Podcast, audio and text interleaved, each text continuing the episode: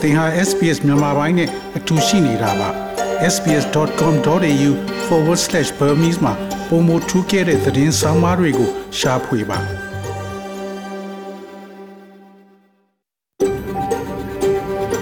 SBS A world of difference You're with SBS Burmese on mobile, online and on radio mobile online နဲ့ radio ပေါ်မှာသင်ဟာ SPS မြန်မာပိုင်းနဲ့အ တူရှိနေတာဖြစ်ပါတယ်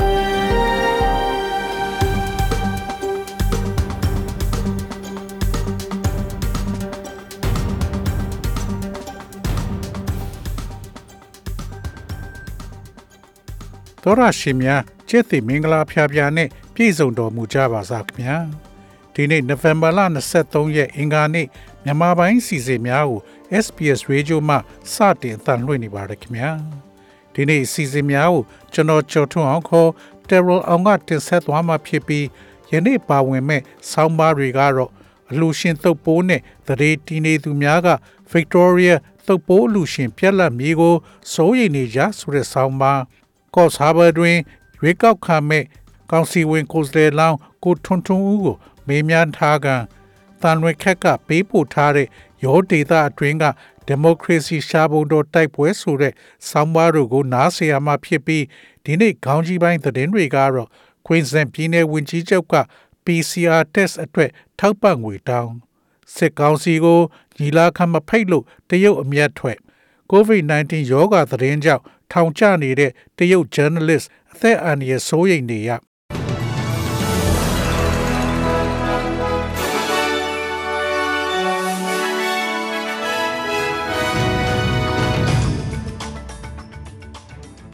ယခုချိန်ကစပြီးသတင်းများကိုကျွန်တော်ကြော်ထုတ်အောင်ကစတင်ဖတ်ကြားပါတော့မယ်။ Queensland ပြည်နယ်ဝန်ကြီးချုပ်မှ PCR test အတွက်ထောက်ပံ့ငွေတောင်း Queensland ပြည်နယ်ဝန်ကြီးချုပ် Anastasia Palaszczuk သည်ပြည်내သို့ခရီးသွားလာသူအလုံးအတွက် COVID-19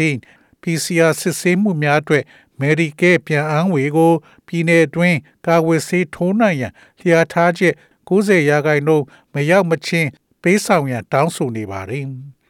ပြည်တော်စုချမ်းမာရေးဝန်ကြီး Great Hunt သည် Queensland အစိုးရထံစာရေးပြီးလျင်မြန်သော antigen စစ်ဆေးခြင်းသို့မဟုတ်ပြည်내တွင်ခရီးသွားလာသူများအတွက် PCR စမ်းသပ်မှုကုန်ကျစရိတ်များကိုအ ਨੇ ဆုံးကားမိစေရန်သူတို့ထံမှတောင်းဆိုရန်တိုက်တွန်းခဲ့ပါတယ်။ PCR စစ်ဆေးမှုများသည်ပုဂ္ဂလိကဆေးကမ်းများတွင်ဒေါ်လာ150အထိကုန်ကျနိုင်ပြီး ခီးသွားမဲ့ရည်ရွယ်ချက်အတွက်လူများကို အခမဲ့စစ်ဆေးနိုင်မှုများရနိုင်မလားဆိုပြီး Queensland အစိုးရကကြည်နေတာဖြစ်ပါတယ်။ Miss Palaszczuk က PCR စစ်ဆေးမှုများအတွက် Medicare ပြန်အငွေကိုထည့်သွင်းစဉ်းစားရန်လူမှုကြားမှာပြောဆိုနေခြင်းမဟုတ်ဘဲ National Cabinet တွင်အဆိုပါပြဿနာကိုကင်တွယ်ဖြေရှင်းရန် Mr. Hunt ကိုတိုက်တွန်းခဲ့ပါတယ်။ စစ်ကောင်စီကိုညီလာခံမဖိတ်ဖို့သဘောတူညီချက်တရုတ်အမျက်ထွက်တရုတ်နဲ့အာဆီယံနိုင်ငံတွေအကြားဆွေးနွေးဘက် dialogue partner အဖြစ်ဆက်ဆံရေးတည်ထောင်တဲ့30ပြည့်အထိမ်းအမှတ်ထိပ်သီးညီလာခံကိုနိုဝင်ဘာလ22ရက်နေ့ကအွန်လိုင်းကနေကျင်းပခဲ့ပြီးတရုတ်သမ္မတရှီကျင်ဖင်းနဲ့မြန်မာနိုင်ငံမပါဝင်တဲ့တခြားအာဆီယံ၉နိုင်ငံကခေါင်းဆောင်တွေတက်ရောက်ခဲ့ကြပါတယ်။ဒီတရုတ်အာဆီယံ ထိပ်သီးညီလာခံမတိုင်ခင်မှာမြန်မာစစ်ခေါင်းဆောင်ဗိုလ်ချုပ်မှုကြီးမင်းအောင်လှိုင်ကိုညီလာခံတက်ခွင့်ပေးဖို့တရုတ်နိုင်ငံဘက်ကအာဆီယံနိုင်ငံတွေကိုတိုက်တွန်းနေပေမဲ့ဒီဆုံးဖြတ်ချက်အတွက်အဓိကတာဝန်ရှိတဲ့မလေးရှား၊အင်ဒိုနီးရှား၊စင်ကာပူနဲ့ဘရူနိုင်းစတဲ့လေးနိုင်ငံကသဘောထားမပြောင်းလဲတဲ့အတွက်မြန်မာစစ်ခေါင်းဆောင်ဟာထိပ်သီးညီလာခံတက်ရောက်ခွင့်မရတဲ့အကြောင်း Writer သတင်းဌာနကဖော်ပြထားပါတယ်။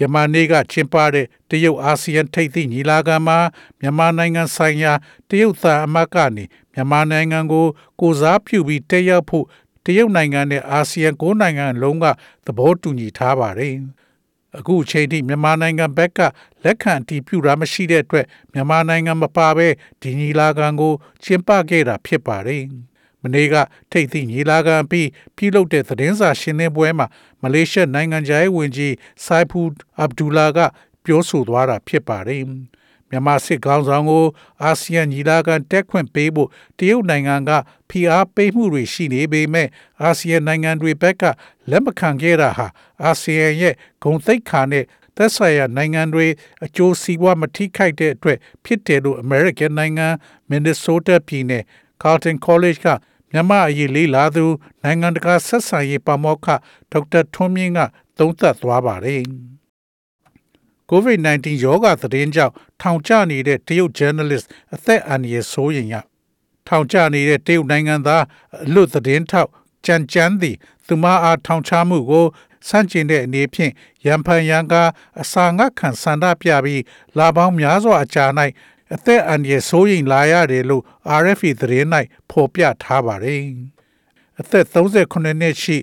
ရှန်ကိုရှန်ဟိုင်ဟာပူတုံခရိုင်ပြည်သူတရားရုံးက2020ခုနှစ်ဒီဇင်ဘာလ28ရက်တွင် ထောင်ဒဏ်၄နှစ်ချမှတ်ခဲ့ပါတယ်။ကြံသည်ပြုံဖြစ်အတင်းအကျပ်အစာကျွေးခြင်းကိုရှောင်ခြင်းကအစာအနှဲငယ်သာစားလျက်ရှိပါတယ်။ကြံသည်အရက်1.8မီတာရှိတော်လဲလက်ရှိတွင်ကိုလေးချိန် 40ကီလိုဂရမ်သာရှိတော့တယ်လို့ဆိုပါတယ်။အလို့သတင်းထောက်တစ်ဖွဲ့သည် COVID-19 ကပ်ရောဂါနှင့်အစောပိုင်းနေ့ရက်များကိုသတင်းရယူရန်ဝူဟန်မြို့သို့သွားရောက်ခဲ့ပြီးနောက်၎င်းတို့အနက်တဦးသည်ထိမ့်သိမ်းအချင်းချခံခဲ့ရက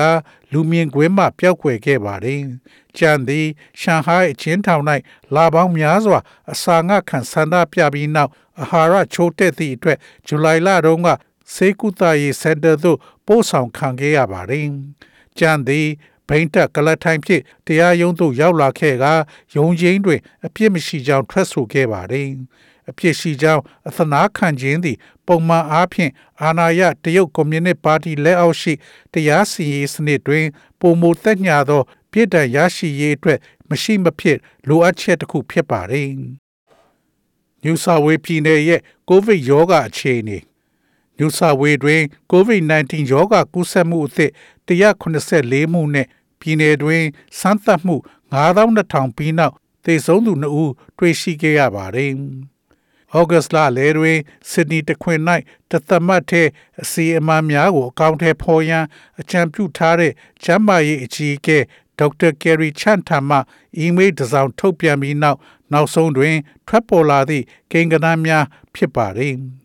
ယင်းစာညူဆာဝေအစိုးရသည်ဒေသန္တရအစိုးရ area 12ခုတွင် ပြင်းထန်သော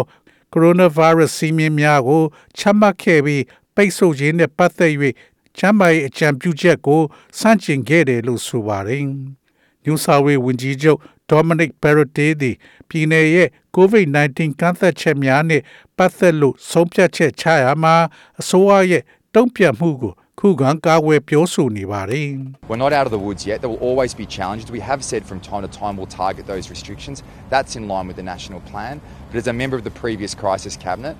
and now the COVID and economic ကျွန်ုပ်တို့အခု recovery, ချိန်ထိအနေရှိနေသေးပါတယ်စိန်ခေါ်မှုတွေအမြဲရှိနေမှာပါ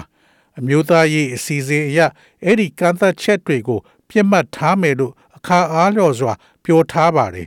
ရခင်အချက်တဲ ကက်ဘိနက်အဖွဲ့ဝင်တဦးဖြစ်ပြီးယခုကိုဗစ်စီးပွားရေးပြန်လည်ထူထောင်ရေးကော်မတီအနေဖြင့်ကျွန်ုပ်တို့ဟာကျန်းမာရေးအဖွဲ့စိတ်ကျန်းမာရေးအဖွဲ့ရဲ့အမြင်များကိုအမြဲထည့်သွင်းစဉ်းစားပါမယ်မြန်မာနိုင်ငံမှာဥပဒေမဲ့ဖမ်းဆီးများပြားလာမှု ကုလဆိုရင်မြန်မာနိုင်ငံမှာ အာဏာသိမ်းထားတဲ့စစ်အာဏာရှင်ကသမရဦးဝင်းမြင့်ဒေါအောင်ဆန်းစုကြည်နဲ့အစိုးရအဖွဲ့ဝင်တွေပြည်သူတွေကိုထင်သလိုဖမ်းဆီးမှုတွေတိုးလာနေသလိုအမျိုးသားဒီမိုကရေစီအဖွဲ့ချုပ် NLD အဖွဲ့ဝင်တွေနဲ့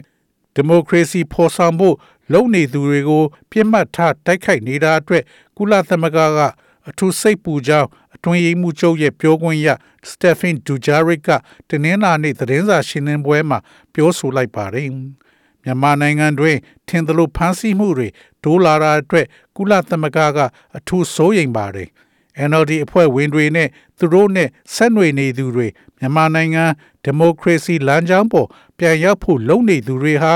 သူတို့ရဲ့အခြေခံရပိုင်ခွင့်ကိုချစ်သုံးနေတာကနေငြိမ်းချမ်းစွာစုဝေးဆန္ဒပြတာတွေအထိသူတို့ရဲ့လှုပ်ဆောင်မှုတွေကြောင့်ပြစ်မှတ်ထားတာကိုခံနေရကြောင်းနဲ့ ဒီလိုထင်ရဖန်ဆီးမှုတွေကိုရပ်ပြရမှာဖြစ်ကြောင်းပြောဆိုပါတယ်။သမရဦးဝင်းမြင့်နဲ့နိုင်ငံတော်အတိုင်ပင်ခံဒေါအောင်ဆန်းစုကြည်အပါအဝင်အစိုးရအဖွဲ့ဝင်တွေကိုထင်သလိုဖမ်းဆီးနေတာအတွက်စိတ်ပူကြောင်းမတ်လတုန်းကလုံခြုံရေးကောင်စီကထုတ်ပြန်ထားသလိုအခုရက်ပိုင်းအတွင်း NLD ရုံးတွေအတိုက်ခိုက်ခံနေရတာအတွက်ကုလသမဂ္ဂကစိုးရိမ်နေကြောင်းပြောဆိုပါတယ်။လိမ်မှုဆိုင်ရာအကြမ်းဖက်မှုတွေတိုးလာတာအပါအဝင် အဖမ်းခံနေရသူတွေပေါ်စစ်တပ်ရဲ့ကျူးလွန်မှုတွေစန္ဒပြပြည်သူတွေပေါ်ခြေမုံမှုတွေဖြစ်ပွားနေတာနဲ့ပတ်သက်ပြီးလဲကုလသမဂ္ဂကစိုးရိမ်နေရဆဲဖြစ်ကြောင်းဖော်ပြထားပါတယ်။ SBS SBS SBS SBS SBS This is SBS Radio.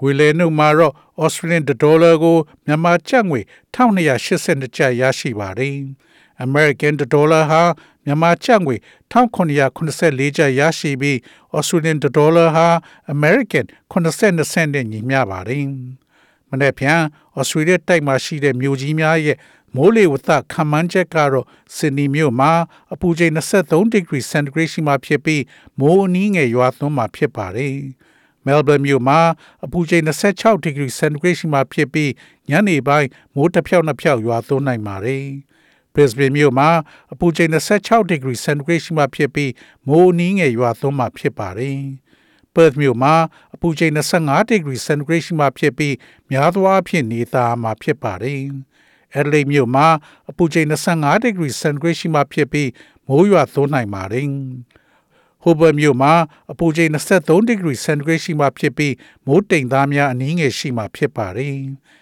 ကင်ဘရာမြို့မှာအပူချိန်21 degree centigrade ရှိမှဖြစ်ပြီးမိုးတိမ်သားများအနည်းငယ်ရှိမှဖြစ်ပါတယ်။ဒါဝင်မြို့မှာအပူချိန်35 degree centigrade ရှိမှဖြစ်ပြီးမိုးတိမ်သားများအနည်းငယ်ရှိမှဖြစ်ပါတယ်။ဤတွင်သတင်းများကိုကြီးညာလို့ပြီးပါပြီခင်ဗျာ။။